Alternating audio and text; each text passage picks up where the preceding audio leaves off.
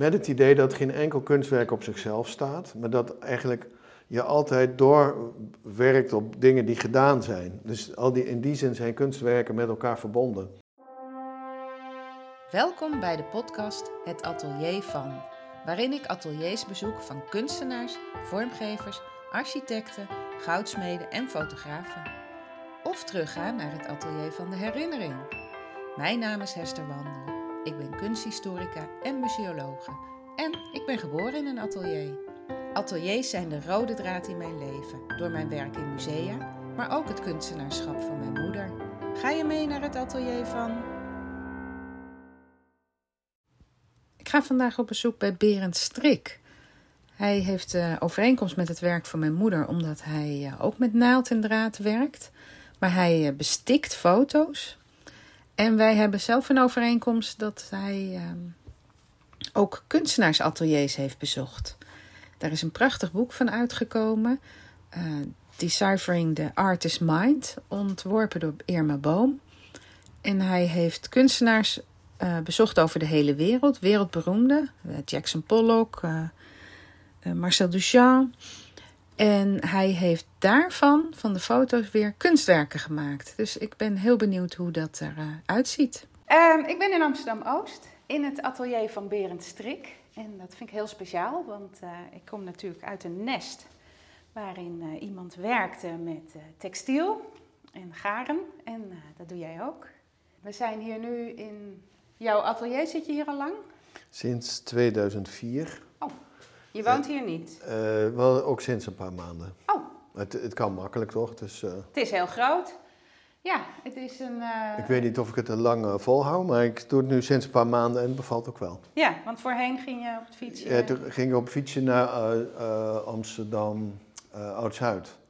Het was heel kostbaar, maar het was wel lekker elke keer om een beetje op en neer te fietsen. S ochtends erheen en dan s'avonds naar huis. Dan verlaat je wel echt je werk, zeg maar. Ja. Of je komt op je werk, zeg maar. Dat is wel iets. Uh, ja, dan kan je echt een werkdag maken. Ja, en dat is nu wel lastiger. Ja. Maar ik moet er ook nog een beetje aan wennen. Dat komt allemaal goed. Moet je af en toe even. Nu ga, maak ik elke dag een, een, een, een wandeling. Dat ik bepaalde dingen kan overdenken. Maar dit is een hele grote ruimte. Maar wat is dat? 2, 3 meter? Nee, het is 4,70 meter hoog. 150 vierkante meter met een parkeerplaats, wat vrij zeldzaam in Amsterdammers. Ja, want het is een laag gebouw, want je hebt daglicht, daklicht. Dak, dak, daklichten, ja. En het is een fabriekje geweest? Het is een oude timmerfabriek geweest. Timmerfabriek. Die hebben in 2004 heb ik dit deel gekocht en mijn buurman die heeft uh, het andere deel gekocht. En er zat een timmerfabriek in. En en de loods liep nog veel verder. Daar zat een, eh, een, een vleesverwerkingsfabriek en een schroefjes, schroefjes um, groothandel. Dus dan kon ik gewoon een zakje schroefjes bij de groothandel oh, halen. Maar in die uh, grote ruimte, die ja. rechthoek die wit is en met heel veel TL-licht, zie ik uh, nou, bijna ook een kunstwerk. Allemaal lappen aan de muur hangen. Veel fluweel uh, las ik daar waar je van houdt, omdat dat diepte geeft en warmte. Ja, dus, dus en het, het is ook een beetje zo, bijna zo'n hobby. Dit is bijvoorbeeld flu fluweel. Ja, dit is wel fluweel. Maar daar heb je ik, ik heb hem op de achterkant een heel dun laagje acrylaat gesmeerd. Oh, waardoor, die, waardoor die het met, dan behoudt hij wel zijn kleur en zijn diepte, maar door, door, daardoor kan je hem veel beter op de foto naaien. En beter de stukjes uitknippen, heel precies. Kijk, hier kan je bijvoorbeeld zien het zijn allemaal kleine stukjes. Oh ja. We zien hier een heel groot doek. En dit is uh, uit je project Deciphering, Decipher, the, Decipher, Deciphering the, the Artist's, artist mind. mind. En dit zijn, is de vloer van Jackson Pollock. Ja, dat is de vloer van Jackson Pollock. Hij is nu gedraaid. Hij moet kijken, daar heb ik hem in rood. En dan heb ik de zwarte delen met rood fluweel bestikt. En hier, feitelijk heb ik uh, alles wat zwart is met een viltstift getekend op plastic. Die worden dan losgeknipt en, dan gekeken welke kleur er verborgen zat in die vloer. Want als je nu een Pollock-schilderij ziet, dan, dan lijken het allemaal vrij donkere lijnen. Maar omdat hij allemaal verflakken gebruikt heeft uit die tijd, die zijn hun kleur kwijtgeraakt. Ja, zijn verdonkerd. Ja, verdonkerd. Dus ze hebben nu onderzocht dat hij eigenlijk met minstens 160 verschillende kleuren gewerkt heeft. Dat, dat kun je nu nergens aan terugzien. Maar en dan kan je aan de hand van zijn vloer, ja, kan je dat Ja, en dat komt. Hij, hij overleed in 1956. Toen uh, is hij in een auto-ongeluk overleden met zijn, met zijn minnares. Uh, die minnares heeft het wel overleefd, hij is toen overleden. En toen heeft zijn vrouw, die in het huis haar kleinere atelier had, is toen in het atelier van Pollock gegaan. Wat een losse schuur is bij het huis. In, in Long Island, het bestaat nog steeds, je mag het nu bezichtigen nog. Maar zij ging, heeft toen witte platen op die vloer, bestaande vloer gelegd, omdat hij schilderde op de vloer. Hij legde schilderijen plat neer, dus hij haalde. Het is een beetje het eerste stap dat een kunstenaar zijn schilderijen van het traditionele schildersezel haalde en het op de grond legde. Waardoor hij als het ware met het druipen van de verf om dat schilderij kon lopen. En, en is ook in de tijd is dat heel vaak gefotografeerd en gefilmd. Ja, die films. Om, omdat ze dat er ook zagen als een voorloper van de performancekunst. Dat die dat er opeen opsmeet of ja, de, ja, hij goot het erop. Hij, hij goot het erop. En, en een andere vraag wat wel fascinerend is, vind ik...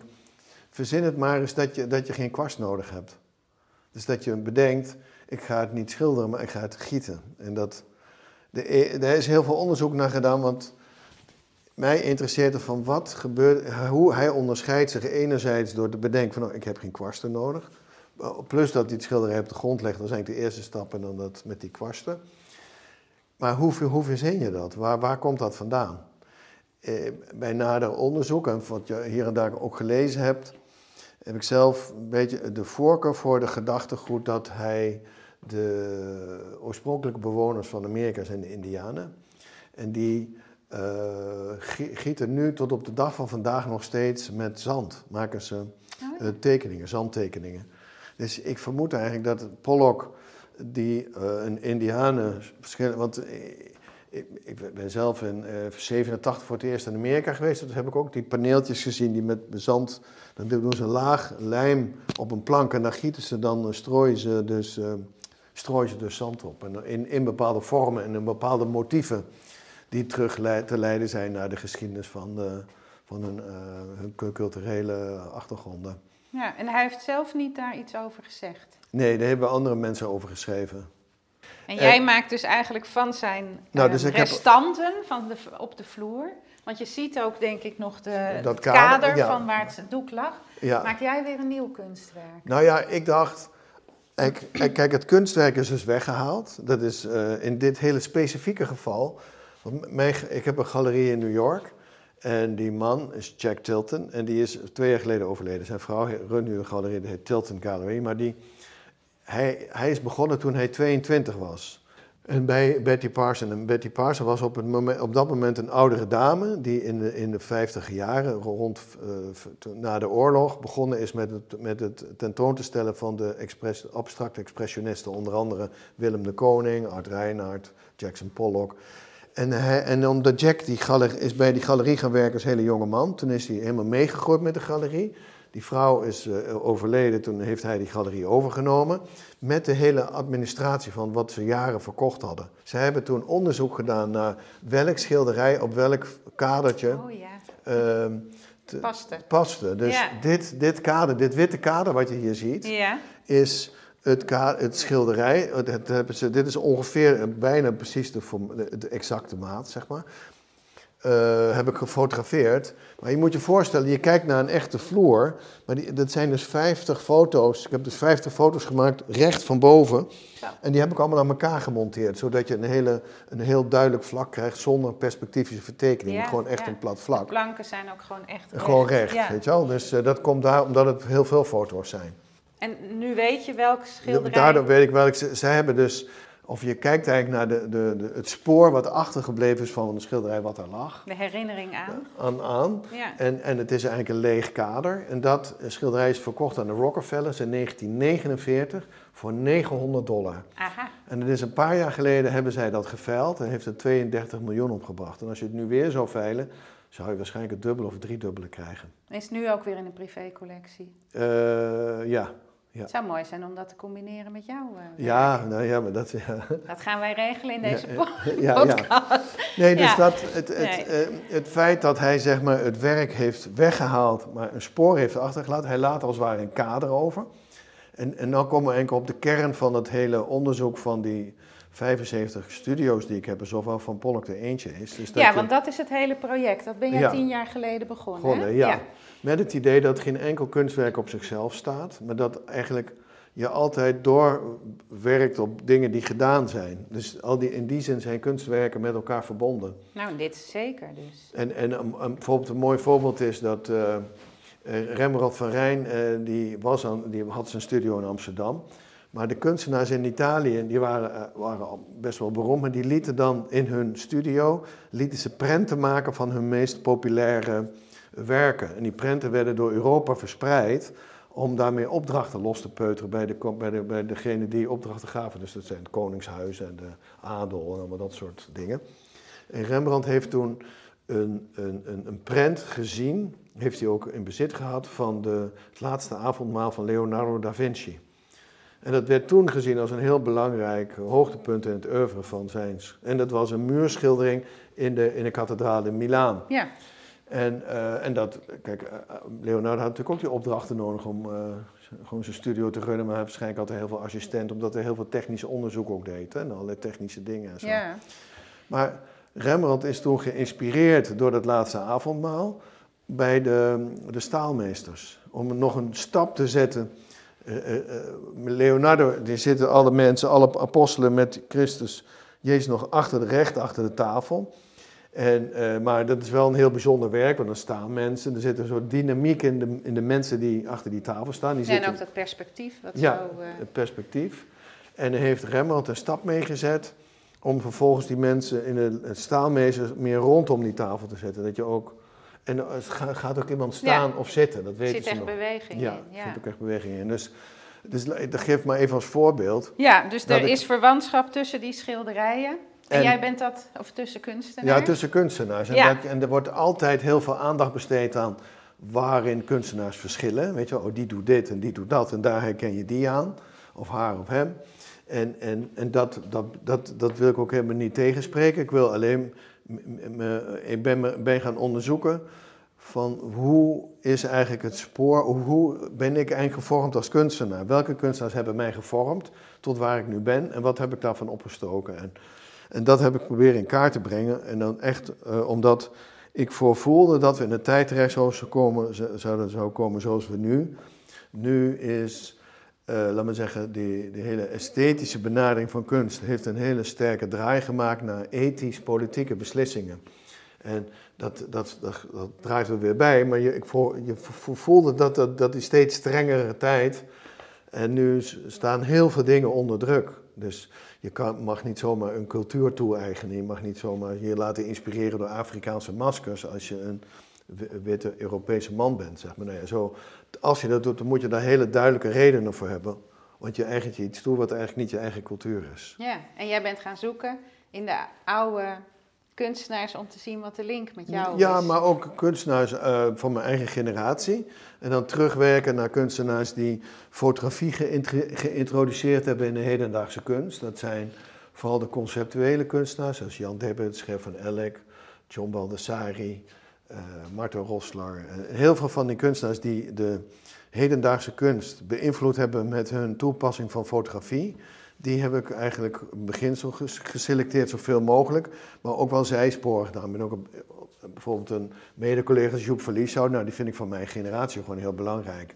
Dus die heb ik ook opgenomen in het boek. Eh, en heb je van tevoren een lijst gemaakt, die ga ik allemaal bezoeken en aangeschreven? Of... Eh, nou, ik had ongeveer 100 kunstenaars in mijn gedachten. En, eh, maar die, die, die lijst die groeit dan. Hè. Je begint ergens. Het begon dat ik dus drie jaar in New York had gewoond en weer terug was hier. En toen me bedacht dat ik nooit het atelier van eh, Marcel Duchamp bezocht had. Dat kwam gewoon in me op.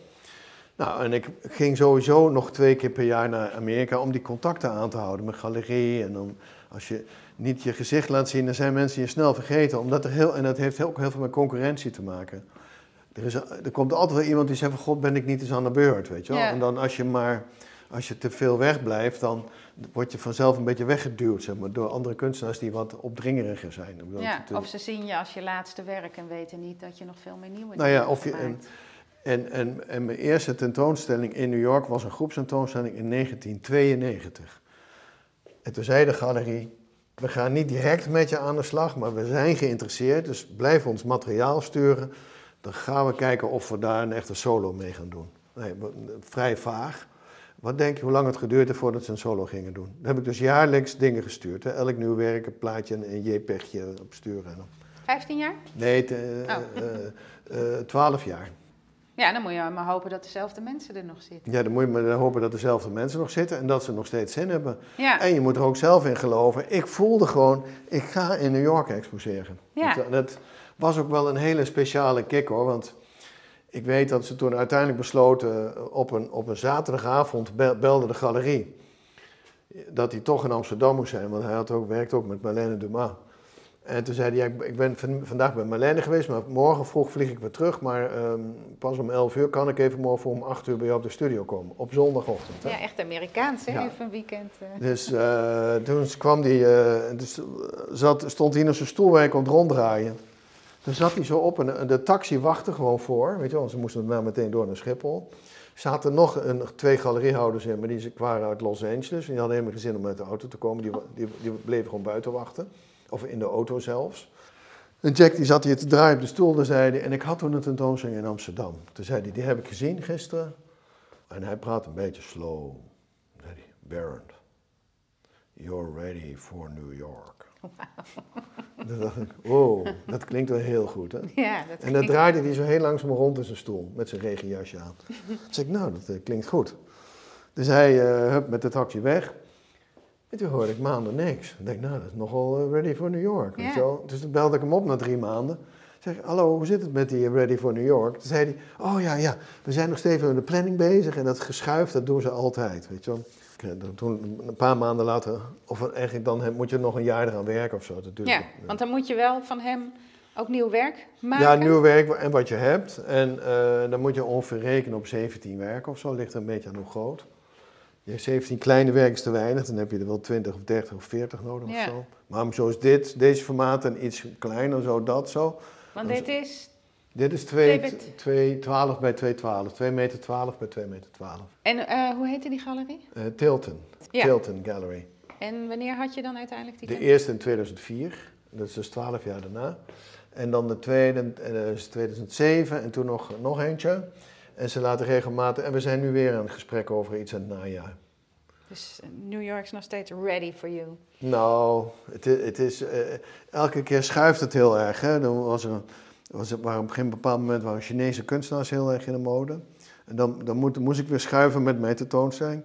Weer, weer in die periode na, toen waren Zuid-Amerikaanse kunstenaars. Maar dan, je hebt dan de verzamelaars, die maken dan kenbaar aan de, aan de galerie. Luister, Oscar Murillo heeft zijn schilderijen verkocht voor 2000 dollar en die zijn gestegen naar 2 ton. Ja, dat willen de, vinden mensen natuurlijk allemaal heel leuk. Als, Ja. als er zoiets... eh, Gaat meer om het geld dan om de kunst. nou, ook, maar het is, ook, het is echt een soort belegging geworden. Ja. Ve- Veel meer dan in de 70 en de 80 jaren. Ging jij nou ehm, naar die ateliers? Nou, ik, Om- ging, ik ging dus naar, New- naar, naar, naar New York. Ook sowieso omdat ik daar graag naartoe ging, contact te houden. Maar ik dacht ook, ik heb dat atelier van, van Marcel Duchamp nooit gezien. En toen ben ik daar naartoe gegaan en toen eh, was dat eigenlijk de eerste studio waarbij ik me nog niet realiseerde dat het een heel project zou worden. Want het was namelijk zo, die studio was min of meer veranderd in een kantoorruimte. Dat hele gebouw was herontwikkeld. Na heel veel gedoe mocht ik eindelijk in die ruimte kijken. En dat bleek dat die ruimte nu was herontwikkeld voor kantoorruimte, voor twee mannen die daar vrouwen coachten om een stap in hun carrière te zetten. En dat vond ik op zich wel heel grappig, omdat Duchamp heeft in de tijd met eh, zo de 20, 30 jaar met Man Ray, heeft hem vaak gefotografeerd, verkleed als vrouw. En met een, mut, een hele mooie muts, ontworpen door eh, Sonia de Delaunay en allemaal, allemaal, allemaal dat, dat soort dingen. En heeft op die locatie had hij in het geheime werk gemaakt. De, de, de, de kunstwereld dacht dat hij toen alleen maar aan het schaken was, maar in het geheim heeft hij daar toen een installatie gemaakt. Die hij ook, die ook meteen na zijn overlijden doorverkocht is aan de Philadelphia. Daar staat hij permanent opgesteld. Dat is een deur. Dus je komt in een lege ruimte en dan moet je 90 graden draaien. En dan kijk je door twee gaatjes en dan zie je een naakte vrouw liggen met een kandelaar in de hand. Met een waterval erachter. Een hele installatie. En dat vond ik zo fascinerend dat hij. eh, en dit in combinatie met dat ik gevraagd werd voor een kunsttijdschrift. om mijn favoriete werk. eh, van de collectie van het Stedelijk Museum te, te vertellen, zeg maar. Toen moest ik denken aan het koffertje van Duchamp. En die heeft eh, aan het eind van, of tijdens de Tweede Wereldoorlog, werden veel Europese kunstenaars entartet verklaard door de, door de nazi's. Mhm. En die, de, die- ik kan me voorstellen dat het voor veel kunstenaars best wel bedreigend was, want je mag eigenlijk geen hedendaagse kunstenaar zijn. Er werd door de nazi's werd vooral realistische k- schilderkunst, en tekenkunst en, en, en beeldhouwkunst werd ge- gewenst, zeg maar, een bepaalde verheerlijking. En, Duchamp deed dan een, een pissoir in een museumplaats Ja. en allemaal dingen. Dus dat, dat, dat lag zeker niet, niet goed bij de nazi's. Dus wat Duchamp had bedacht, ik maak een koffertje. En in dat koffertje bedacht, deed hij al zijn werken die hij bedacht had in een miniatuur. En in dat koffertje, die speciaal ontworpen was door de architect Friedrich Kiesler, eh, was het helemaal ingericht met foto's van zijn schilderijen. En als je dat koffertje opendeed, was in het deksel een tekening. En dan allemaal manieren kon je het uitzetten. Dus die verschillende objecten en foto's. En die foto's die hij had van zijn schilderijen en van, van, van objecten van hem, die waren ingekleurd met, met, met verf. Die, die, die ken wel, de ingekleurde zwart-wit foto's. Ja. Toen bestond kleurenfotografie nog niet. Maar dat was een, een vak wat heel goed betaald was. Dus beter betaald vak in die tijd dan, dan de kunstenaar zelf, zeg maar. Omdat dat hele kundige mensen waren die op een hele goede manier die zwart-wit konden inkleuren met kleur. Dat vond ik eigenlijk een heel mooi gegeven, want ik bewerk fotografie met lage stof. Ja, En zelfs Duchamp, die heel conceptueel is, werkte met mensen die foto's een extra laag gaven. en dan is dat koffertje in het stedelijk. Is het stedelijk, ja. Ze hebben daar twintig koffertjes van. Ik heb er ook een boek van. Van die twintig koffertjes. Want hij heeft daarna die, een andere koffertje gemaakt in die groen zijn. Dat is een oplage van 500. Maar deze was maar een oplage van 20. Een editie. En hij heeft eh, dat koffertje door Peggy Guggenheim, en met, met nog iemand anders, maar Peggy Guggenheim kwam een keer in het stedelijk, heeft dat koffertje cadeau gedaan aan eh, Sandberg. Met een, een hele mooie brief erbij. En die Fransen die hebben een hele heftige taal. Dat, dat, de taal in toen der tijd was zeg maar... Ik dank God op mijn knieën dat u mijn eh, geschenk wil aanvaarden. En Weet je, zo, zo maar dan... Ja, ja. Ik, ik, ik, Hij gaat nu op zijn knieën vormen, dat moet ik er wel even bij zeggen natuurlijk. of Ja. Maar even van, dat knip ik niet. Oh nee, dat is helemaal goed. Maar dat, dat je, en het interessante is, dan is dus in die deksel zit een tekening, want die twintig koffers, hebben allemaal een andere tekening. En er komt nog een andere parallel bij. Een van die koffers heeft een, geen tekening, maar een soort, soort stof, een, een, een, een, een lap, waar weer een stukje lap op zit. En dat is met eh, zwart fluweel. En dat heet het foutieve land. Nee, sorry, het is zwart fluweel met een vlek erop. En dat heet het foutieve landschap. En eh, dat, dat koffertje behoorde aan de minnares van Duchamp. En nu hebben ze recentelijk onderzoek gedaan naar die rare vlek. Maar dat was zijn, een spermavlek. Had dus geëjaculeerd op dat, op dat velvet. En eh, iemand die over mij had geschreven, die zegt van ja, die, die, die, die had ook wel dat, die vroeg zich af waar altijd die vormen vandaan komen. Ja, Heel ja. veel werken. Dan Dus- heeft eh, Jackson Pollock goed zijn best gedaan. Ja. maar dat, dat maakte zij in die tekst een soort rare com- combinatie met die, met die spermavlek van Duchamp in, in, zijn, in zijn koffertje en die vlekken die ik op dingen maak. Weet je, dat zou je zo kunnen lezen. Ik vond het wel heel... Ja, en dat is ook weer die verbinding dus. ja, die, dus eh, toen, toen, toen heb ik dus besloten die eh, studio te fotograferen en daar werk van te maken. En, eh, en dat werk was wel een openbaring, omdat het was een heel, heel grote foto van een kantoorruimte eigenlijk. Ja, En in die kantoorruimte eh, zag je dingen. Er stond toevallig een M op de muur. En toen zei ik tegen die mensen, is dat de M van Mar- Marcel?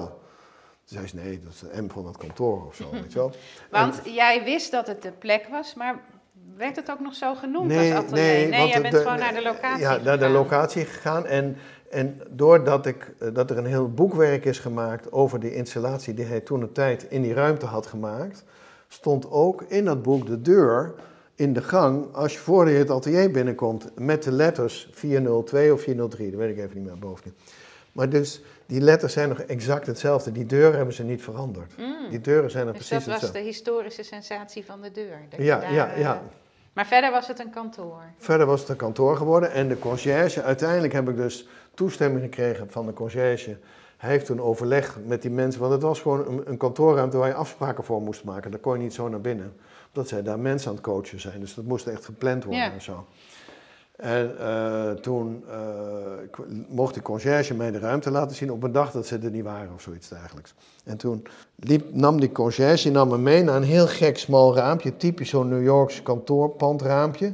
En dan is het heel vaak dat je dan wel naar buiten kan kijken, maar je kijkt dan tegen een blinde muur aan. Mm. Dat, is, dat is net in een koker of frisse lucht naar binnen kan komen of zo. Dus die zei, de conciërge zei tegen mij, kijk, hier zat de kunstenaar te schilderen. Hier stond zijn ezel, maar Duchamp heeft nooit een ezel gehad. Want om weer even terug te komen, in die, in die foto's die in die doos zaten, het zijn dus een aantal lijnen die bij elkaar komen. Onder andere dus de, het bezoek aan, aan, de, aan dat kantoorpand, het bestaande koffertje. Ja. En in dat koffertje zitten foto's van dat Duchamp in zijn studio zit. En daar zie je dat hij op een stoel zit en dat hij heel veel objecten bedacht heeft in zijn studio. Bijvoorbeeld door een kapstok van de muur te halen en die op de grond te schroeven. Dan wordt het een heel ander ding. ja. En toen was eigenlijk de eerste studiobezoek was gedaan. En toen dacht ik, ja, fotografie, Duchamp had dus van alles met fotografie gedaan. Toen ben ik eerst gaan kijken naar fotografen en gesproken met mensen die me daarbij konden helpen. En dan legde ik het project uit. Bijvoorbeeld met Rudy Fuchs. En die zei, nou, dan moet je naar het atelier van Arno Verheyener. Want die, die bewerkt ook fotografie, hè, met, met die krast en die krast erop en die verf erop. En die... Maar die maakt geen foto's zelf, maar die gebruikt bestaande fotografie van markten en zo. Weet je, van die, je kan dan bakken wel eens met oude foto's vinden en zo. Nou, die, dat doet hij dan. Of zelfportretten heeft hij ook heel veel gedaan. En bij Anne Goldstein hielp me naar John Baldessari. En bij sommige kunstenaars heb ik brieven geschreven, maar die reageerden nooit. En dan werkte ik ook met, met bemiddelaars en zo. En soms lukte helemaal niks. Nou, En sommige kunstenaars waren bijvoorbeeld Martha, Martha Rosler. Daar zag ik een tentoonstelling van. Maar ik kende twee curatoren die haar kenden, maar die wilden mij niet helpen. Die zeiden, nou, dat is een hele conceptuele vrouw, die heeft daar geen tijd voor, weet je wel, voor jouw vraagjes.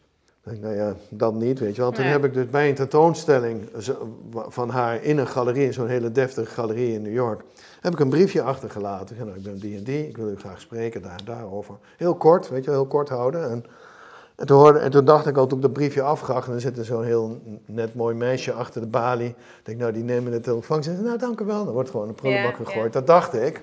maar dat was niet zo. Maar na drie maanden krijg ik dus een bericht van haar via de e-mail. Zegt ze, hallo, Berend Strik, wat fijn, dat je, wat leuk dat je langs wil komen. Je bent meer dan welkom, wanneer. En nou, dat is ontzettend aardig. Weet je. Ja. Sommigen zijn heel aardig en de anderen vinden het vervelend. De anderen willen absoluut niet meedoen. En Want die zien het ook als hun, ehm, hun eh, sacrale plek. Ja, zo. ja, sacrale. Bijvoorbeeld, eh, ik was eh, in gesprek met Richard Prince en die gebruikt al bestaande fotografie. En als je daar nog een keer overheen gaat, dat, is, hij- dat doet hij eigenlijk al. Hm. Hij heeft bijvoorbeeld de Marlboro Cowboy, weet je, op die paarden. Die foto heeft hij gebruikt als werk. Omdat het eigenlijk, als je het weer in een andere context plaatst, wordt het dan gaat de, in- bij, bij de Marlboro reclame gaat het over dat je als echte, weet je wel, dat echte leven en zo. En Ja. Door het uit die reclame te halen, maar in de kunstwereld te presenteren, krijgt het een andere lading. En da- daar speelt hij heel veel mee. Toen dacht ik, als ik het daar nog een keer overheen ga. Nou, daar hebben we twee keer drie, drie uur over gepraat. En toen zei hij, nee, je komt er te dichtbij. Oh, ja. Dat vond ik wel echt een mooi compliment. Ja, ja. En bijvoorbeeld David Hammonds wilde niet meedoen, omdat hij vond dat hij geen zin, geen zin had om het kunst, kunstpubliek te vermaken, weet je wel. Hm. Met, met dit soort aardigheid, zeg maar. Hij Maar wist jij van tevoren al, nou je begon bij één, maar Ja. dat je die foto's zou gaan bewerken op jouw manier? Of? Nee, maar dat, die foto's, eh, dit is gewoon mijn techniek die ik Ja. ontwikkeld heb vanaf 1987. En dat had te maken met, eh, ik zat op de Rijksacademie en dan, eh en die Rijksacademie is eigenlijk een postacademie. Dus dan moet je eigenlijk al een beetje weten wat je wil doen. En daar zat ik wel mee te worstelen. Dus ik onderzocht verschillende technieken en zo. Want wat je, hoe je ook denkt, je hebt altijd wel een techniek nodig om ergens iets te projecteren. Dat is de techniek van het schrijven of de techniek van het denken.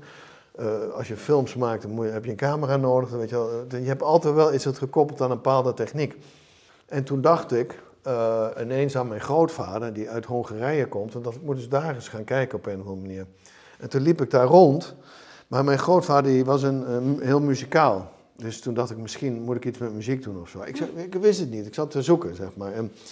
Terwijl je nog op de academie zat, Ja, ja. zocht het- je naar je materiaal. Ja, naar mijn materiaal. Dus Ja. ik tekende heel veel. En ik was aan het lassen. Maakte dingen van marmer en van steen en hout. En Oh, dus je hebt alle het- technieken ik heb wel, alles eh, geprobeerd, maar het, bleef, het kon me niet beklijven of zo. Je moet zeg maar in een gebied terechtkomen waarbij je het gevoel hebt, hier kan ik lang mee door. Weet je, want als je iets gaat kiezen wat heel moeilijk is en waar je moeilijke ideeën uit kan distilleren, dan loop je daarop vast. Ja, waar je anderen voor nodig hebt misschien. Of veel, glas. of- ja, of, of wat dan ook, weet je wel. Dus Ja. ehm, toen eh, dacht ik, weet je wat, ik ga naar Hongarije. Dat doe je gewoon intuïtief, hè. Dus ik liep door Hongarije en toen zag ik allerlei winkels waar mensen dingen aan het maken waren. Mannen waren eh, eh, tafelkleden aan het bestikken met bloemetjes. En, en, toen, en ik had al dingen in keramiek gemaakt. En dat zit een beetje in dezelfde hoek. In die zin dat keramiek wordt nu als volwaardig gezien. Maar zeg maar, toen ik begon, was keramiek niet echt een schilderkunst is volwaardig, Ja, weet je ja. wel. Eh, Dat hebben, die hebben een andere status. Toen dacht ik, ja, keramiek, daar wil ik wel, om nou de hele leven in klei te gaan lopen rommelen en zo, de vieze handen en zo, dat zag ik ook niet helemaal zitten. Maar toen zag ik dus al die mannen in Hongarije borduren. En toen dacht ik, dat is hem. En dat waren al mannen die dat Er waren mannen Ja. die dat deden, ja. Veel mannen. Net, net zoals in Pakistan en India en weet ik veel wat. Dus eh, ik ben daarna heb ik ook een heel project in India gedaan. Met, toen heb ik met 50 mannen zitten naaien, zeg maar. Ja. Dus eh, dat Ja, was... want ik heb het in Vietnam gezien, waar het allemaal vrouwen die eh, Oh ja. prachtige stoffen Ja. borduurden. Maar ik hoorde jou niet borduren zeggen. Jij noemt het stikken, hè? Ja, iedereen noemt in, in alle, de- als er over geschreven wordt, zeggen ze heel vaak borduren, maar ik borduur niet. Kijk, maar dit is zeg maar, je naait die stukken vast op de foto. En dat is dus niet borduren, maar dat is je, je stikt het vast. Ja, en mijn moeder die deed in het begin ook stof erop naaien, borduren of stikken. Ja, En later alleen maar die, ehm, de draad. dat draad. Ja. En, maar om het niet borduren te noemen, hadden we bedacht... ze brengt structuren aan met garen. Oh ja, ja, nou, zo kan je het ook omschrijven, ja. Maar in mijn geval is het echt het vastzetten. Zodat het Oh, jij een- doet niet... Ja, je doet echt altijd stof, eh, zet je vast. Want Ja, je ziet dus die Nee. verfvlekken zijn met allemaal Ja, maar ik heb, wel, stukjes. eh, ik heb wel lange geleden ook heel veel verschillende borduurtechnieken gebruikt. Ja, ook met de naaimachine. Nee, Ja, in beginsel met de naaimachine, daar heb ik er nog wel een paar van. Die, zo, zo ben ik eigenlijk begonnen met, met de naaimachine. Kijk, hier een beetje. Ah ja, zie en die zijn dan ook helemaal vol eh Ja, geborduurd. Eh, gestikt, ja. bestikt. Bestikt. Dit is ook een foto en daar heb je overheen gestikt. Ja, of ik, of ik had een foto en dan bestikte ik een deel met de naaimachine. En, en met een soort zigzag eh. Ja, met, met een eh zigzagsteek. Sylvia 2, 2000. Ja, dit zijn de laatste kleintjes die ik nog heb. Dit, dit, dit verkoop je natuurlijk allemaal vrij makkelijk. Ja. En, ja, hier staat een beetje een mislukt dingetje. Dus ik weet niet, kan ik niet weggooien. Maar ja, dat is het moeilijkste. Hè? kijk, hier heb ik van dit soort dingen. Sorry, een beetje porno. En dit zijn dan... ehm, Dat zijn foto's die ik gewoon uit tijdschriften heb ge- oh ja, dus het is echt tijdschriftpapier. Ja, en eh, zo heb ik ook die pornootjes allemaal gemaakt. Want daar begon je mee. Ja, ik begon met die porno's met bestikken daarvan. Dus door eh, een pornofoto is, is vrij, ja, is eigenlijk best wel vreemd hoe ze met mensen omgaan. Je identificeert je namelijk nooit met die mensen en dat vond ik heel fascinerend. Ja, want ja, ja, als je het weet, herken je het. En als je het niet weet, kan je het zo nog op Facebook zetten zonder dat het eh, gezien wordt. Als, eh, ja, als porno. Maar ja. je- de pornofoto feitelijk is wel als bewijs in het, in het werk aanwezig. ja. Het is nog zichtbaar, maar Ja. door het zo te bestikken verander je de context van zo'n foto. En je moet je voorstellen, ik vond het best wel vreemd dat als je, eh, die, dat je dus helemaal geen mededogen met die mensen hebt. Je, je, je misbruikt als het ware de afbeelding, zeg maar. De, bijvoorbeeld mannen die trekken zich erop af, zeg maar. Ja. dat, is niet bepaald eh, charmant, toch? Dus je, ik kan je niet, gewoon niet schelen wie dat zijn, zeg maar. Daar, dat vond ik best wel een vreemd gegeven. En het heeft te maken met hoe het is gefotografeerd. En eh, door het te bestikken krijgt het een andere soort tactiliteit. Het wordt veel sensueler, het wordt wat liefelijker. Ja, want je, hebt, je gebruikt wel de kleuren van de foto's. Hij heeft zwart Ja. haar en nog iets van zwarte kleding aan. Dus de, het stiksel is ook zwart. Ja, maar dit, deze zijn nog wel mooi, vind ik. Maar dit zijn niet mijn, mijn- de topwerkjes, zeg maar. Ik heb natuurlijk veel van die dingen. Kijk, hier zie je dat het nog net goed gaat. Het gezicht is hier bijna een beetje aan het vervormen. Ja. En hier, ik vind dat de borst iets te veel dichtgestikt is. En, en, en, en eh, ze heeft een soort piemel voor gebonden. Ja, die, dat is wel oké. Maar je, je hebt... eh, en heb je dit goed verkocht? Dit? Ja, ik heb heel veel van die dingen gemaakt. Of heel veel. En ook dit formaat, want dit is eh, Ja. 20 bij eh, 15 Ja, deze zo. zijn heel klein. Ja, 16 bij 10,5. Oh ja, het staat er nog Ik op. heb, ik heb ze ook groter gemaakt, deze formaten en zo. Nou ja. En dit zijn bijvoorbeeld eh, collages. Toen had ik helemaal geen geld in New York. Dan vond ik hout op straat, wat ik dan meenam met houten latjes. En dan maakte Ja. ik dan dingetjes En van. een soort batikdoek als basis. En Ja, daar en dan ook, hele eh, goedkope spijkerstof. En dit zijn van die pornoblaadjes. Dit is eh, papier. Ja, papier. En dan vond ik zo mooi die tekst. You loves me, she loves me not. Weet je? Ja, Love keukenrol is het. Keukenrol. maar wat ik zo leuk aan deze foto vond, is dat drie vriendinnen zeggen van god, de mannen verdienen dan te weinig, laten we god wel bij verdienen, dan laten we onze kont fotograferen. en eigenlijk worden we hier als, als toeschouwer uitgelachen. Van, oh, je wil mijn kont zien? Nou, hier heb je hem, weet je wel. dus dat, dit is helemaal niet erotisch. Terwijl het wel uit een eroti- er- erotisch tijdschrift Ja, komt. En, dat maar vond- dan kunnen er flink wat mee inderdaad. en dat is zo grappig, dat, dat, dat, hoe zij kijken vind ik gewoon ontzettend leuk. Denk Heel ik. bij de Het is heel gespeeld, heel in beide handen gespeeld, zeg maar. En heb je hier nog lades vol of eh, valt dat mee? Nee, dit, deze, dus Ja. deze drie. En dan heb ik hier nog een paar. En dit zijn eh, nog een paar, zeg maar. Nog een beetje hier. Deze. Oh, dit heb ik. Dit, dit is het ontwerp voor een postzegel, of niet? ja, Die- ja, ja, die heb ik eh, verschillende dingen meegemaakt. En was dit dan de, de, de basis, dit schilderij? Nee, ik heb er meerdere gemaakt met het Nederlandse. eh, de- Dat, zijn, dat ze naar Afrika komen om de boel even te komen schoonmaken. Dat is natuurlijk heel cynisch. Ze zijn daar niet gekomen om de boel schoon te maken, maar om Zuid-Afrika te bezetten. Ja. En dit, dit beeld heb jij later dan gebruikt voor een postzegel? Ja, de- deze. Voor, eh, zonder dat Afrika erachter. En ja, je bent... Nou, het idee was om, eh, dat was eigenlijk een beetje jammer, want het idee was eigenlijk veel mooier, dus om een bestikte postzegel te maken. Ja, Nou, ik was dus al in gesprek met de, met de, met de PTT om dat te gaan doen. En we gingen in de eerste onderhandelingen, kwam die net uit Zwitserland. ach, Zei ze, ja, nu je in Zwitserland hebt, dan heb je niet de primeur. Dan, nee. dan, dan moet je nee, maar dat past helemaal bij jou natuurlijk. En dat vond ik zo jammer. Ja, dat snap ik. Ja. Oh, wat was dat jammer. ja. Maar ja, zij wilden gewoon niet, we waren gewoon net te laat. En wanneer kwam die postzegel uit? Ja, dat is ook alweer lang geleden hoor. 99 of zo? 20 jaar geleden of zo. Ah, ja. Ik weet het niet meer precies. Maar Ja, best- want ik zag ook dat je nog munten hebt ontworpen. Ja. Met Willem-Alexander met een baard. ja. En dan word je gewoon gevraagd... Nee, daar kon je voor inschrijven. Oh. En, maar ik, soms is het zo lastig, zelfs door die COVID, dat ik zo slecht verkocht. Dat ik gewoon ga kijken van, kan ik nog ergens opdracht binnenslepen? Ja, En soms krijg ik wel opdrachten en soms heb ik de tentoonstelling. Nu begint het allemaal weer een beetje in beweging te komen. Om een idee te geven, ik sprak gisteren iemand die twee jaar geleden hier is gekomen om over een groepstentoonstelling na te denken in een museum. Maakt niet uit even welke. En die gaat, die, dat gaat nu door in 2024. Met zo, Ja, ja, er is heel veel doorgeschoven. er is heel veel doorgeschoven. En dan verdien je dus ook geen geld. Nee, Dat nee. sta, daar staan mensen niet bij stil. Nee. Want als je het dan in een museum hebt, dan spreek je misschien op de opening en die zegt van, god, kan ik ook langskomen? Nou, dan kom eens langs en als het mensen zijn die geld hebben, die kopen dan wat, weet je, zo, zo, zo rommelt dat een beetje door. Maar met Maar ja, als je niet zichtbaar bent, nee, dan, is, dan moet je, online zichtbaar- wel zichtbaar zijn. Maar ja, daar, dat is krijg ook je wel- toch niet het Dat is ook een vak van- apart online verkopen, dat is niet zo makkelijk. Nee. Voor mij niet in ieder geval. Dit, nee, dit, maar dit- wel je zichtbaarheid. Dat ja, ze weten maar van, dit eh, zie je niet online, hoe Nee, effect. nee, want eh, je ziet inderdaad nu heel goed die foto en al die stiksels en al die kleine vlekken. Ja, en kijk maar eens hier op de achterkant hoe het eruit ziet. Hoeveel er nog moet gebeuren. We kunnen er even naartoe lopen. Ik eh, zie, je, jij werkt niet met DMC-garen, het zijn allemaal klosjes. Ja, nee, niet met DMC, maar dat is te grof. Ja, ja, nee, want mijn moeder gebruikte één zo'n draadje van zo'n strengetje. Kijk hier. Kijk. Nou ja, daar, hebben we al- daar hebben we dus heel veel problemen mee. Met, met- ik werk veel met assistenten. ja. En dit is... eh, Ook als je één zo'n draadje ja, het kan wel. Dat splitgaren heet het dan. Ja. Maar, maar dit is bijvoorbeeld geen splitgaren. Maar, Ja.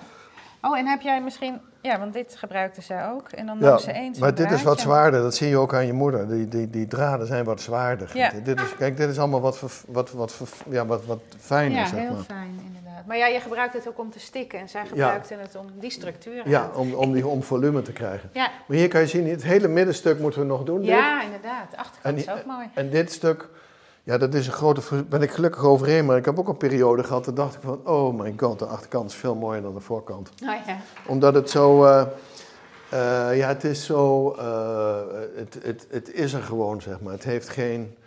Het, je, je kan helemaal vrij interpreteren wat het is. Dus bij deze wat lastiger, maar soms. Dan is het echt ook de herinnering aan die vloer. Ja, Hey, en je, ik zag eh, op een film van ehm, Hollandse meesters dat je met zo'n assistent bezig bent. Zat Ja. je dan aan de achterkant of aan de voorkant? Oh, het wisselt af. Oh. Want je, kijk, je gaat niet de hele dag aan de achterkant zitten. Nee, maar jij bepaalt waar die plekken. eh, Nou, degene aan de stukjes vo- komen? ja, da- dat door die tekening. Ja. En dan knippen we het uit. En dat doe ik ook zoveel mogelijk zelf. En dan komen mensen me helpen. En dat de een hier staat en de ander aan de andere kant. En dan moet je, dat is, Ja, en is Schoon. dit Tyvek? Nee. ja, dat is Tyvek, ja. Oh, ja. is Tyvek. Want dat is heel inert, hè? En- Dat wordt nu ook heel veel gebruikt. eh. Nou, het, het wordt bijna niet meer gemaakt. Het, is- Oh, wordt, wordt echt een probleem. heel duur, ja. Het, nou, het wordt een probleem in de toekomst, want eh, deze formaten leveren ze al niet meer. Ik heb Nee, want nu, je hebt hem al in tweeën. Ja, en nu heb ik deze, is al in drieën. Kijk, dit Want, is, eh, dit de- is, de breedte is nu deze. Oh, Kijk hier, deze. Dit is de breedte nu. ja. Die zijn dus nu is een stuk smaller. Is dit je uitzicht hier in de buurt? Nee, dit is het eh, Byzantium. Dat is het gebouw wat Rem Koolhaas ontworpen heeft als eerste in eh, Nederland. En dat, In, eh, dat ligt aan het Vondelpark. Ja, precies. En ik vind het zo mooi dat dat Oh, langzaam in het, in het park zakt, zeg maar. Ja. Dan heb je al die bomen, daar geef je dus met die verloer geef je de stammen aan. Ja, stammen aan en, en ik heb het gras al blauw gemaakt. Dus ik wil echt een soort blauwachtige... Blauwe van de lucht overal op geprojecteerd is, zeg maar. Om Ja, dat mooi. zo landelijk mogelijk te laten lijken. En dit, dit eh, ligt plat. Werk je dan hier van onder naar boven of werk je Ja. altijd rechtop staan? Nee, dit, dit kan dus in één iemand doen. Ja. De rand, zeg maar. En dan als die rand gedaan is, dan kan ik hem rechtop zetten. Dan, gaan met, en dan wordt hij tussen palen gezet en dan werk ik met twee mensen daar. ja. En hoeveel... eh, het zijn geen stagiaires, het zijn Nou, assistenten. het zijn assistenten die bijna allemaal van de Rietveld komen. Omdat Ah. ze gewoon een baantje zoeken. Ja. En die komen dan één dag in de week of zo hoor. Of, ik heb nu bijvoorbeeld twee keer twee eh, paren. Eh, een man, een man eh, Jesse en een vrouw Paulina. Die zijn uit Wit- Wit-Rusland. en die komen hier dan drie uurtjes per week. Dat is heel weinig. Maar dan heb ik nog een ander stel. En dan heb ik nog morgen de hele dag een assistent. En we kunnen samen makkelijk dan aan zo'n ding zitten. Ja. Ja, je Dus- maakt ook wel hele grote dingen. Ja, het zijn, dat is ook heel veel werk. Ja. Dus, Ja. Maar ook wel kleiner. Kijk, deze is. eh, de- dit is nog een heel een later pornootje, maar dit, dit, dit kan je gewoon in een Pornootje klinkt. Nou, dit is een klein pornootje, toch? Ja, ja. Ja, ik kan het nog niet helemaal laten. Ik vind het leuk om dat blij te blijven maken. En Wat vindt je zoon ervan? Oh, die vindt het helemaal prima, joh. Oh. Die komt dan, die, toen hij wat jonger was, kwam hij wel eens met zijn vrienden. Kijk, kijk, kijk wat mijn pa doet, weet je wel? God kan hij het niet eens stiekem doen, want zijn vader doet het ook. ja. En ehm, eh, je hebt 75 ateliers bezocht. Zijn Ja. daar al 75 kunstwerken uit voortgekomen? ja, de boek is gemaakt. Ja. We hebben er niet 75, eh, want we hadden 75 werken, waren nog niet helemaal af. En de teksten waren nog niet helemaal af. En op een gegeven moment moest dat boek gemaakt worden. Toen hebben, we- waar hebben we iemand selectie laten maken. En die kwam uit op 56 werken en 56 teksten. En, en daar is nog een inleiding bij. En dat boek heet dan ook Deciphering the Artist's Mind. ja. En die werken, heb je die eh, voor een groot deel al verkocht? Of zijn Groot deel verkocht, ja. Want je vaste... Maar ook een boel nog niet, want het, het on- onhandige is altijd... Ik heb een tentoonstelling in België ermee gehad. Dan verkoop je een deel daarvan en een deel blijft dan in stok. En dat heb ik in, ook in Amsterdam gehad en in New York. En in New York staan de meeste werken. Maar daar, daar gaan we met een groot deel daarvan gaan we in het najaar een tentoonstelling maken. Dus over de, in, in mooie tijd, de, hoe heet het ook alweer, die, eh, als die oktober... Indian Summer. Indian Summer periode, Ah, die, ja. is, zo- die is zo fijn. Ja. En eh, het kwam uit in oktober, hè, je boek? Eh, vorig jaar, ja. 21. Het is uitgekomen, het boek. Ja, ja, dat Ja. bedoel ik. Ja, dat Ja. kwam in eh, Ja. 21 kwam het uit. Ja, bij, bij Fons Welters hebben Ja, we toen want dat is jouw vaste galerie ook Ja, al. mijn, eh, mijn vaste galerie in Amsterdam. eigenlijk vanaf het begin, toch? Vanaf Of- 1990, ja. Ja, Ik heb wel daarvoor een paar tentoonstellingen gehad. In Vodor en in Groningen en, en een aantal andere dingen. En toen wordt dat mijn galerie sinds 1990. Dat is heel fijn, dat is heel betrouwbaar, een goede galerie. Dat hoort er wel bij de top van Nederland. Als ik dat zo mag zelf mag zeggen. Als je dat, dat mag je eigenlijk niet doen, hè, zelf zeggen. Hey, maar hier zie ik ook keramiek. Ja, dat is. eh, ik heb de, de neiging om nogal veel zijsprongetjes te maken. Niet, niet, niet permanent, maar als je zeg maar, zo'n zo'n zo'n territorium hebt als het bestikken van fotografie met, met stofjes en zo, dan eh, is het fijn om soms een zijsprong. En wat ik sowieso bijna wekelijks doe, is tekeningen maken. En soms dagelijks, dat ligt er een beetje aan. En een aantal van die tekeningen heb ik als uitgangspunt genomen voor eh keramiekwerken. Dat- schijven van eh nou wel ronde- 40 50 centimeter 55 door. centimeter, 60. 55. En ik, dit zijn een soort samengebalde objecten. Hè? Dus eh, dit, dit, ik had die ads gevonden eh, ergens op online van een, een skelet waarin een priester stond. Oh, En die, en die, en die, en die, en die ads, die, die ehm, vond ik heel bijzonder. En er stond dit nummer bij, de PD. Dan is dan zeg maar, een of ander eh, museum heeft dan die, dat, dat een nummer gegeven ja, bij die ads. inventarisnummer. Inventarisnummer. En toen dacht ik, ja, dat is geen priester. Maar dus eigenlijk, eh, toen heb ik een, de priester een overal aangegeven met alleen maar hier stippeltjes. En dat, eh, degene die altijd zo schilderde dat alleen dit stukje met spettertjes komt, is Piet Mondriaan.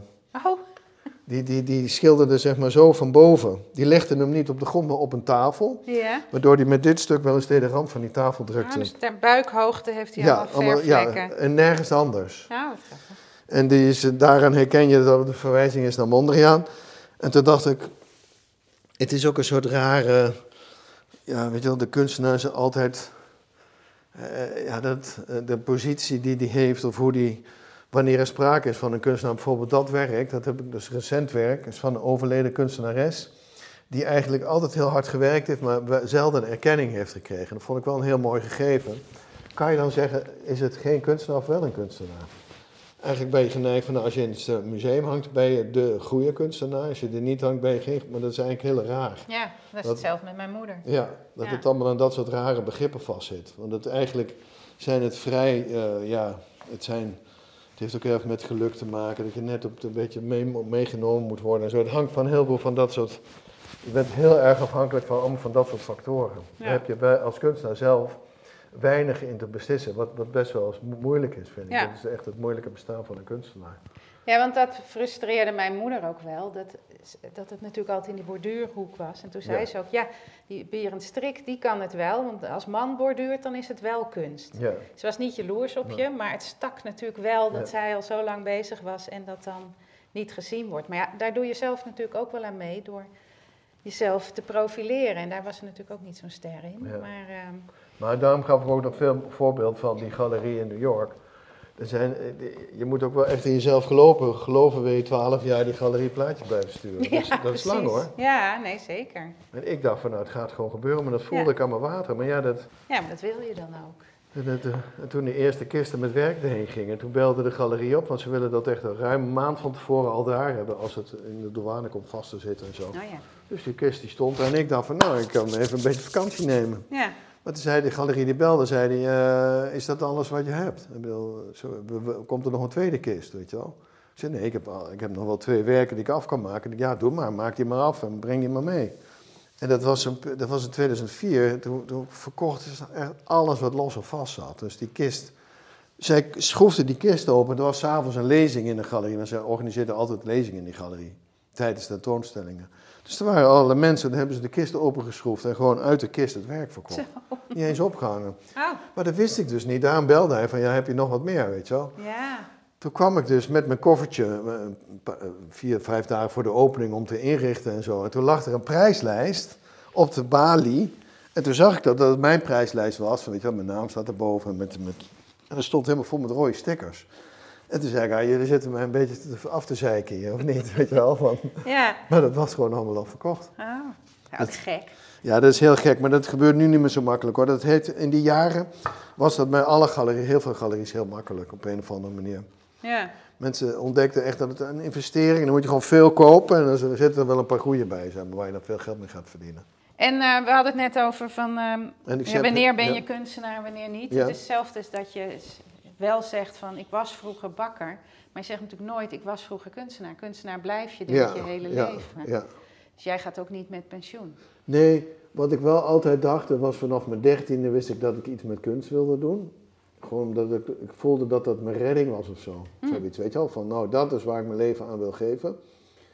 En dan, ben je, dan zit je er helemaal in. En toen kreeg ik het soort ander, ander mo- momentum.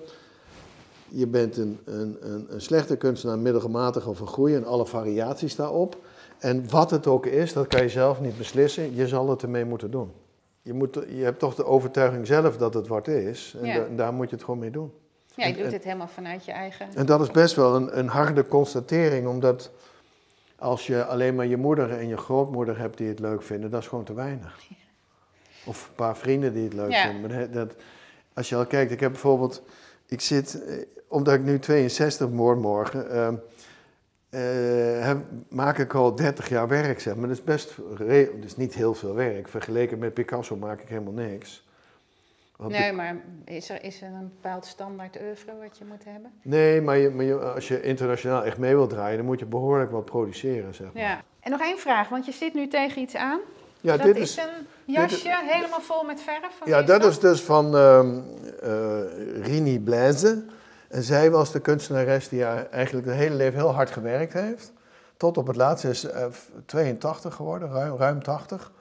En eh, ze is recentelijk overleden. En haar hele studio stond vol met schilderijen. Dus haar dochter, daar ben ik mee bevriend, Petra Blaise.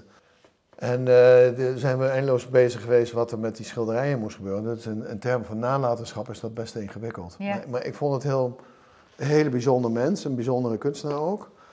En eh, je, maar je, de, de, de aan- en afwezigheid van- en de betekenis van wanneer is een kunstenaar wel een kunstenaar, wanneer niet. En, en hoe krijg je erkenning. Al dat soort raak, dingen raakte zij aan, zeg maar. En daar heb ik dat, dat laatste werk over gemaakt. Dat is deze. Oh ja, Kijk, want de- dit is de, heb- helemaal stijf van de verf. Haar Ja. schildersjurk, zeg maar. Schilders, schort? ja, schort. En hier heb ik dat schort een beetje gevormd. Waardoor het net lijkt of zij aanwezig is en afwijst. Dat is Ja. ook een soort eerbetoon aan haar. Zeg maar, dus de afwezigheid van de kunstenaar in de kunstmarkt, zeg maar. En de, maar de afwezigheid ook. Maar de aanwezigheid van haar werk is feitelijk de, de sporen van het werk. Ja, het bewijs van, van, Van- haar werk. dat ze altijd hard gewerkt heeft.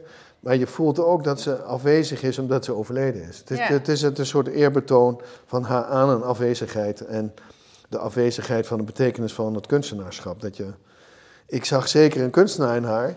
En, eh, en ook iemand die altijd op elke dag weer zoveel mogelijk naar het atelier ging. Maar dan zie je dat dat... Dat is natuurlijk het hele schrijnende. Want je hebt ook... eh, de intentie is van alle kunstenaars feitelijk hetzelfde. De intentie om iets bijzonders te willen creëren, zeg maar. Maar dat is geen enkele, de intentie is geen enkele garantie voor het feit of je goed werk maakt. Nee. En dat is eigenlijk heel... Ja, eh, die afhankelijkheid toch van de markt is dan. de markt plus de, dat de waarde die er wordt toegekend, of het erkend wordt door andere musea's, galeries en nog god de verzamelaars en zo. Ja, Daar hangt het allemaal heel erg vanaf. En ze- En dat is niet het cliché van de kunstenaar op de lekkere zolderkamer geen erkenning krijgt. Want je hebt ook kunstenaars, er wordt meer van je gevraagd. Je hebt bijvoorbeeld een kunstenaar in België. Die wist van begin af aan echt een duidelijke strategie te bedenken naast zijn strategie van wat hij als schilder wilde. Ook als kunstenaar. Ik heb altijd geleefd van werk naar werk, maar hij leefde echt van, eh, van, van, van jaar naar jaar en naar positie. En naar, weet je wel, dat je echt een s- een strateeg, een stip op de horizon. ja, dat je... En is het hem gelukt? is hem gelukt, ja. Ah ja. Ja. Dat is uh, Luc Tuymans. Nou, dat is hem gelukt, want zijn schilderij kostte nu tegen de 2 miljoen. Ja. ja, dan heb je het wel. En hij had echt een strategie hoe hij dat wilde bereiken. En dat is hem gelukt. Ja, Maar je hebt ook kunstenaars die een strategie hebben die het dan niet bereiken. Maar dus, maar- nee. Of die maar doen omdat ze moeten en dan Ja. wel zien. Maar dit is je laatste werk dus? Dit is het laatste werk. Nou, deze is de ene laatste. Ja, Of die, dit, dit, dit duurt dan wat langer. Die heb ik eigenlijk gelijktijdig gemaakt, alleen deze wordt wat sneller klaar. En eerst heb ik het werk op deze zo gefotografeerd. Wat meer met de achter. Dit is de, detail van de... dit is de letterlijke achterkant van de smok, de, de, de schildersjas. Ja, En die gebruik ik hier als het is een dubbele foto. je bedoelt... Dit is ook een foto Ja, met stiksel erop. Ja, Maar dus ik heb twee foto's met de ruggen tegen elkaar. En de letterlijke foto van de achterkant van die eh, schildersjas zit in de achterkant van het werk. En de voorkant van het jas zit aan de voorkant van het werk. ja. Dus ik noem meteen die voorkant de achterkant, maar het is een tweezijdig werk. Nou ja. Want je zou ook kunnen zeggen, je zou het bij wijze van spreken ook zo kunnen presenteren. ja, dat je af en toe wisselt. Ja, dat doe je dan niet, maar dat zou ook kunnen. Ja, in het Van Gogh hebben ze wel eh, van die muurtjes staan met, in een vitrine waar je beide kanten Ja, van het werk Ja, precies. bekijken. Daar, experimenteer ik wel mee. Ik heb geëxperimenteerd met scharnieren. En, en bij het Fonds heb ik met grote eh, vergroomde poten in een ruimte gezet. Dat is ook wel mooi als je van die grote werken ruimtelijk zet, dat je die achterkanten kan Ja, zien. dat is zeker leuk. Dat, ja. dat is, dan zie je toch wel. en Dat is, dat, ik- daar kwamen we achter in het museum in Nijmegen, het Valk, Valkhof Museum. Want je, als je dan zo'n tentoonstelling doet, dan uh, drie, vier, vijf, zes maanden. En, en dan moest ik vrij vaak terug zijn voor een lezingje of voor de vrienden van het museum of voor wat dan ook. Iets doen of een werk repareren of er was iets. Interview geven of zo. En toen zag ik dat er altijd vrij veel mensen in de tentoonstelling waren, maar dat ze bijvoorbeeld naar werk keken. En dat ze dan vervolgens met elkaar erover spraken. En toen had ik het idee dat de. En dat is een soort theorie dat als je uh, bepaalde technieken gebruikt, bijvoorbeeld als je met een mes uh, bij uh, Luciano Fontana maakt met messen snedes in schilderijen. En Pollock die knoeit als het ware met verf. Daar is een onderzoek naar gedaan. Dat hebben ze getest bij mensen die gewend zijn om naar kunst te kijken en mensen die niet gewend zijn naar kunst te kijken. Laten ze wel die twee typen werken zien dat dan de spiegelneuronen in je hersenen erop reageren. Want de mens, dat hebben we vanuit, in ons DNA zitten. Van, dat is gevaarlijk, zeg maar. En als je dus een snede ziet, dan triggert het dat de spiegelneuronen in je hersenen, omdat dat refereert aan de gevaarlijke dingen, zeg maar. Hmm. En bij Pollock, het knoeien, daar zijn we ook. Je, ja, dat mag je, niet. je mag niet knoeien, want dan raak je voedsel kwijt en dat soort dingen. Dus dat zit ook al heel erg in ons DNA. Maar ik, ik ben zo vrij geweest mijzelf eraan te koppelen, omdat met de naald prik je echt gaten in die foto. En je beschadigt eigenlijk de foto. Dus daar zit, het triggert volgens mij ook de, de, de spiegelneuronen. Om, en waarom? Want als je naar een schilderij kijkt, je weet namelijk niet hoe het schilderij gemaakt is. Bijvoorbeeld als je naar een schilderij van Willem de Koning kijkt, er zitten hele grote zwierige bewegingen van verf die door elkaar heen beweegt. En je zou denken dat hij dat snel geschilderd heeft om die beweging te krijgen. Ja. Maar hij schildert dat dus heel vertraagd, heel langzaam. Dus je kan eigenlijk, als je naar een schilderij kijkt, niet reconstrueren hoe iets gemaakt is. Maar als je naar dit werk kijkt, dan kan je zeggen: Goh, hij heeft hier rode stof op een knalroze foto genaaid. En als je dan ook nog de achterkant kan zien, is het natuurlijk helemaal spectaculair. Ja. En dat brengt een soort vertraging tot gang, maar ook. Dat je ook beter gaat kijken. Je gaat beter kijken. En in Nijmegen kwamen ze achter dat mensen gemiddeld langer in het museum verbleven. Ah. Bij die tentoonstelling. Ja. Dat vond ik zelf wel heel verrassend. En dat komt gewoon omdat die techniek herkenbaar is. Door iedereen verzamelt foto's. Iedereen heeft een foto van zijn grootouders, of van zichzelf als baby, of van zijn ouders, of wat dan ook. Dus het creëert herinneringen die je niet hebt, want je kende je grootouders niet als jonge mensen. Dus het, het creëert herinneringen, en, maar het, het, het zorgt ook dat de herinneringen in, in, in levend blijven, doordat je mensen kan herkennen, zeg maar. Ja. Dus we hebben een hele... En jij voegt er een laag aan toe, waardoor ze beter gaan kijken van... hé, hey, wat heeft hij geaccentueerd? Ja, en je eh, versterkt als het ware de kracht, de, het, het, het, het imaginaire moment van je kijkt naar iets wat niet meer bestaat, want die bloemen zijn al lang uitgebloeid, zeg maar. Maar door ze nu te versterken met stof en, en, en, lijntjes, breng je ook weer een soort leven in, die, uh, in dat beeld. Ja. Waardoor het in het hier en nu geplaatst wordt, doordat je het eigenlijk kan aanraken. Gebeurt dat veel? Nou, mensen vragen wel altijd of ze het aan mogen raken. Ik zeg, ja, doe maar, want ik heb het ook met de handen aangeraakt. Ja, dat is waar. nou, ik ben heel blij dat ik dit nu gezien heb. Want ik heb natuurlijk veel online gezien. En nou, ja, nou, is toch anders, hè? Mag ik het ook nee, aanraken? Maar het is ook anders, toch? Ja, nee, je krijgt echt een derde dimensie erbij. Ja. Nou, mooi, dankjewel. Nou, graag gedaan.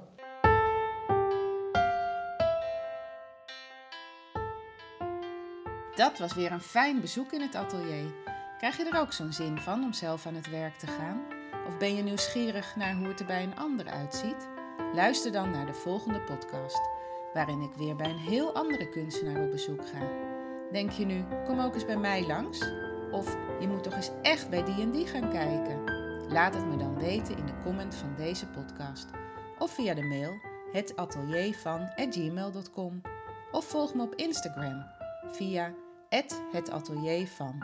En vergeet je niet te abonneren op deze podcast, dan mis je nooit meer een uitzending. Tot de volgende keer.